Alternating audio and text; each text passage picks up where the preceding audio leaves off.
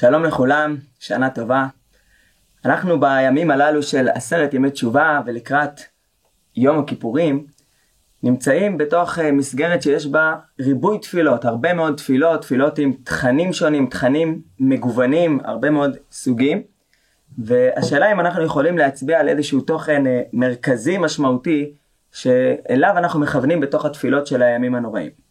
אפשר אולי לקחת את התוספות הקבועות שחז"ל, חכמים תיקנו לנו בתפילה, בכל התפילות של עשרת ימי תשובה, במסגרת של תפילת העמידה, בשתי הברכות הראשונות, בשתי הברכות האחרונות, לנסות לעיין בהם מה המסר המרכזי שנמצא בתוך התוספות הללו, שאפשר דרכו אולי להתכוון אל המימד לפחות הבסיסי ביותר, מימד יסודי שיש לנו בתפילה שלנו אל הקדוש ברוך הוא בימים הללו וביום הכיפורים בפרט. כשמעיינים בתוספות הללו, המילה שחוזרת על עצמה, אפשר לומר מילה מנחה בכל ארבע התוספות הללו, היא המילה חיים. וכתוב לחיים טובים כל בני וריתך. ובספר חיים ברכה ושלום ופרנסה טובה וכולי, לחיים טובים ולשלום. מי כמוך אב הרחמים זוכר יצוריו לחיים ברחמים. ובצורה הבולטת ביותר בבקשה הראשונה, בתוספת הראשונה, בברכת מגן אבות, מגן אברהם, זוכרנו לחיים מלך חפץ בחיים וכותבנו בספר החיים למענך אלוהים חיים. ארבע פעמים חוזרת המילה חיים, וזו איזושהי תביעה, בקשה, קריאה מאוד מרכזית, מאוד יסודית, שעליה אנחנו מתפללים בימים הללו. וננסה קצת להעמיק בנקודה הזו, בבקשה לחיים, בזכירה, זוכרנו לחיים. אנחנו בהפטרת יום הכיפורים קוראים את הסיפור של יונה, הסיפור של יונה מוכר, יונה בורח מהשליחות האלוקית, אולי בגלל מה שהוא יודע שיקרה וקרה בסופו של דבר, התשובה של אה, אנשי ננבה מתקבלת, למרות שיונה ככל הנראה לא כל כך מרוצה מהתשובה הזו, ולכאורה בצדק, כמו שאומר הירושלמי במסכת הענית, התשובה הזו היא תשובה של רמיות, תשובה שיש בה מימד לא אמיתי, לא, לא רציני. מלך ננבה מלביש את האדם ואת הבהמה בשקים, יש משהו מאוד מאוד מוחצן, מאוד מאוד לא רציני, אין איזשהו תהליך פנימי ומשמעותי של תשובה.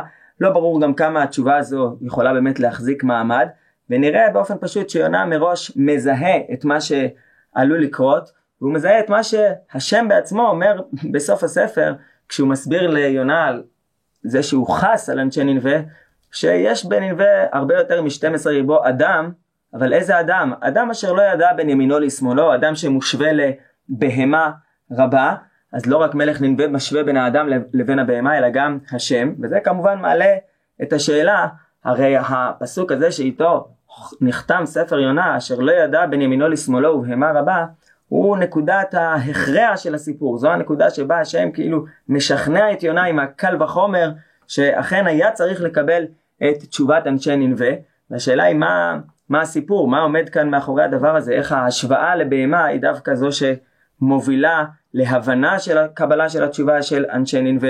גם המשנה במסכת תענית בוחרת את התשובה של אנשי ננבה כתשובה שאותה הזקן אומר לעם, דברי כיבושים שאומר לעם בתענית ציבור, וזה דבר שצריך להבין אותו, למה דווקא התשובה הזו שיונה לכאורה בצדק כל כך מתנגד אליה, דווקא היא נבחרה לסמל את התשובה, דווקא אותה אנחנו מזכירים בהפטרה בתפילת מנחה ביום הכיפורים.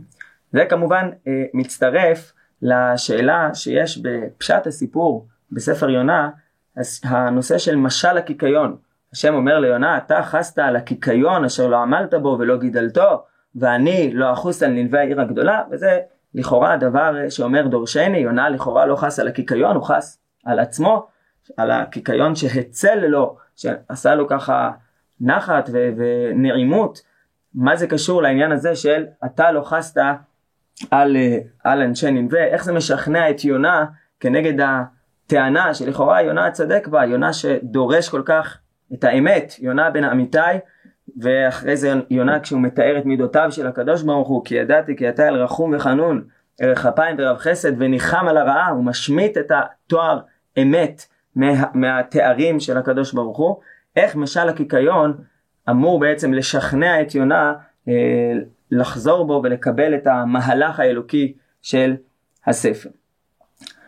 נראה שאם נאזין יותר בקשב לסיפור של הבריחה של יונה, אפשר לשמוע שביחד עם הרדיפה של יונה אחרי האמת, שלכאורה מה שהוא בורח זה הוא בורח מהשליחות האלוקית, אבל הרדיפה אחרי האמת היא לא רק בריחה מהשליחות האלוקית, אלא היא בריחה מהחיים. יונה בורח לתרשיש, לאיזשהו מקום רחוק, מנוכר, זר. הוא יורד ירידה אחרי ירידה לירכתי הספינה, נרדם, הוא נמצא באיזשהו נתק מוחלט גם כשיש את הסערה הגדולה, וזה מפעים לראות את הפער שבין הפעילות הנמרצת של המלאכים, עובדי עבודה זרה האלה שנמצאים על הספינה, לבין האדישות, הניתוק, חוסר העניין כאילו של יונה בכלל במה שקורה סביבו, חוסר העניין בחיים עצמם.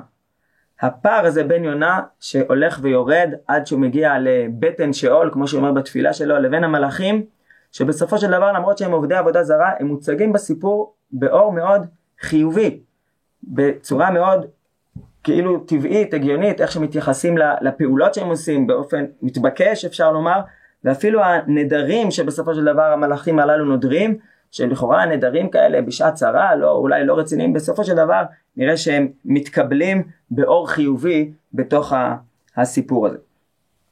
יש במדרש, בפרקי דרבי אליעזר, תיאור מאוד מפורט, איזושהי דרשות, פירוט של דרשות לאורך הימים של ימי הבריאה. מה נברא ביום הראשון, פירוט מאוד מאוד גדול, מה נברא ביום השני, וכל מיני סיפורים ומדרשים שקשורים סביב הימים השונים של ימי הבריאה.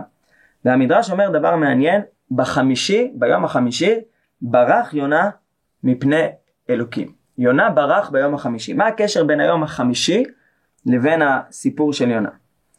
היום החמישי הוא היום של בריאת החיים בעולם. נכון שגם ביום השישי נבראים החיים, החיים של האדם, החיים של בעלי החיים שנמצאים סביב האדם, אבל ביום החמישי נבראים החיים, שאפשר לומר החיים שנמצאים הכי בנתק מהעולם האנושי.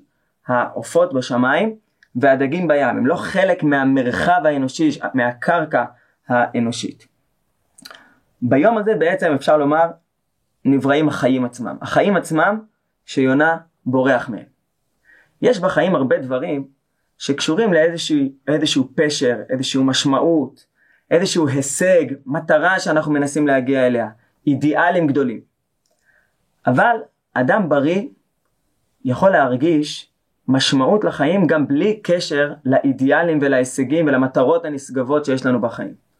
אדם בריא כשהוא רואה חיוך ראשון של ילד קטן, תקשורת ראשונה עם ילד, יום הולדת של ילד בן שנה, ילד בן שנתיים, ילד עולה לכיתה א', כל מיני רגעים כאלה, רגעים משמעותיים בתוך החיים, זה מרגש אותו, זה נותן לו סיפוק, הוא מרגיש איזשהו רגע של אושר, איזשהו רגע, רגע של משמעות, שכל העמל והטרחה שהוא טרח להביא את הילד למצב הזה, להגיע לרגע הזה בחיים, היה שווה את זה. יש משמעות לא רק בגלל שהחיוך הזה הוא חלק מאיזשהו תהליך שהילד הזה בסופו של דבר הולך וגדל ועוד 20 שנה הוא יהיה גדול הדור או איזה משפטן מאוד חשוב. יש משמעות ברגע עצמו, הרגע הזה של החיוך, הרגע הזה של גילוי החיים הוא עצמו דבר שאדם בריא מרגיש שיש לו ערך. הערך של החיים לא קשור רק לאיזשהו תהליך פונקציונלי, הישג, מטרה, אלא גם גילוי החיים עצמם הוא משמעותי. וזה אולי מה שהקדוש ברוך הוא מלמד את יונה במשל של הקיקיון. הקיקיון הוא לא משהו פונקציונלי, זה לא שיונה תכנן אותו, לא עמלת בו ולא גידלתו, זה לא איזה משהו מאוד מאוד נצרך, מאוד הכרחי במציאות. זה איזשהו רגע שקרה אפילו באופן טבעי, הרי יונה בנה סוכה והקיקיון התווסף, להוסיף לו צל. רגע שבאופן טבעי ככה יונה מרגיש טוב, מרגיש בנחת, מרגיש ככה איזשהו רגע של נחת רוח כזו, יושב ככה בכיף מתחת למשב הרוח הזה שיש לו סביב הקיקיון. ופתאום הדבר הזה נעלם, פתאום הדבר הזה נחסר. והגיבוש הזה של הקיקיון זה הדרך של הקדוש ברוך הוא כאילו לעורר את יונה, להחזיר אותו לחיים, לתת לו את ההרגשה הזו שלחיים עצמם, לרגע הנחת הזה בחיים, יש ערך. ואז אומר השם ליונה, אתה חסת על הקיקיון, אשר לא, אמרת, לא עמלת בו ולא גידלתו, ואני לא אחוס על נלווה העיר הגדולה. נכון, נלווה תשובתם מושווית לתשובה של רמייה במובן מסוים. האדם מושווה לבהמה, ובהמה רבה, גם השם משווה את האדם לבהמה. אבל גם אדם שהוא כבהמה, אבל יש לו את הרגשת החיים, את האינטואיציה הזו של לחזור בתשובה, של לרצות להמשיך לחיות את החיים, למצוא את הדרך להמשיך איכשהו, לכפר על החטאים שלו, גם אם זה בצורה הכי נמוכה ורדודה של יראת העונש, גם זה יש לו ערך. גם בזה הקדוש ברוך הוא חפץ. חפץ אתה, רוצה אתה בתשובת רשעים ואין אתה חפץ במיתתה. הקדוש ברוך הוא, הוא ברא גם את היום החמישי. גם את היום החמישי שבו אולי זה לא דווקא אנחנו יכולים להבין מה הערך הפונקציונלי של כל איזשהו יצור חי שנמצא במעמקי הים או, או אי שם בשמיים. אבל גם כשאנחנו הולכים ורואים את הדברים הללו, רואים את העולם, רואים את הטבע, את היום החמישי, אנחנו מתפעמים, מתפעמים לא בגלל הערך הפונקציונלי, אלא בגלל שיש פה חיים, יש פה גילוי של חיים. הקדוש ברוך הוא הוא אלוהים חיים, והוא מלמד את יונה שמול העיניים שלנו צריכים לעמוד לא רק האמת והאידיאלים הגדולים, אלא גם האינטואיציה הפשוטה של הרצון לחיות, הרצון להמשיך את החיים, להיות חלק מזרימת החיים בעולם, מהשמחה שיש בחיים, שהשורש שלה הוא באלוהים חיים. אז התפילה, התפילות בכלל בימים הללו וביום הכיפורים בפרט, הן מעוררות אותנו להרבה חלומות גדולים, לרעיונות, לאידיאלים, לכל מיני אמיתות נשגבות שאנחנו שואפים אליהן. וכל הדברים הללו נכונים ואנחנו באמת רוצים להיות רחוקים מהתשובה המאוד אולי רדודה של אנשי ננבה, לעבור תהליך אמיתי ורציני של תשובה. אבל אחרי הכל, ואולי כבסיס לכל הדברים הללו, אנחנו צריכים לזכור שכל הדברים שאנחנו עוברים ומתפללים עליהם ביום הכיפורים, יש בבסיס את המקום הפשוט, האינטואיטיבי, הטבעי, שאולי לפעמים הוא יותר מדי ברור לנו מאליו, שאנחנו קודם כל מבקשים על החיים, זוכרנו לחיים. אנחנו מבקשים עלינו, על המשפחות שלנו, על הסביבה, על העם, על העולם, שאנחנו נמשיך לחיות בשנה הזו, נמשיך לחיות את החיים, נמשיך לחיות עם עוצמות של חיים, נמשיך לברוא קומות חדשים, קומות חדשות של חיים בעולם, להוסיף עוד כוחות חיים בעולם שלנו ושל הסביבה שלנו, שהחיים שלנו יהיו חיים מלאים ושנזכה להמשיך להיות חלק מזרם החיים בעולם של מלך חפץ בחיים למענך אלוהים חיים. שנה טובה וגמר חתימה טובה לכולם.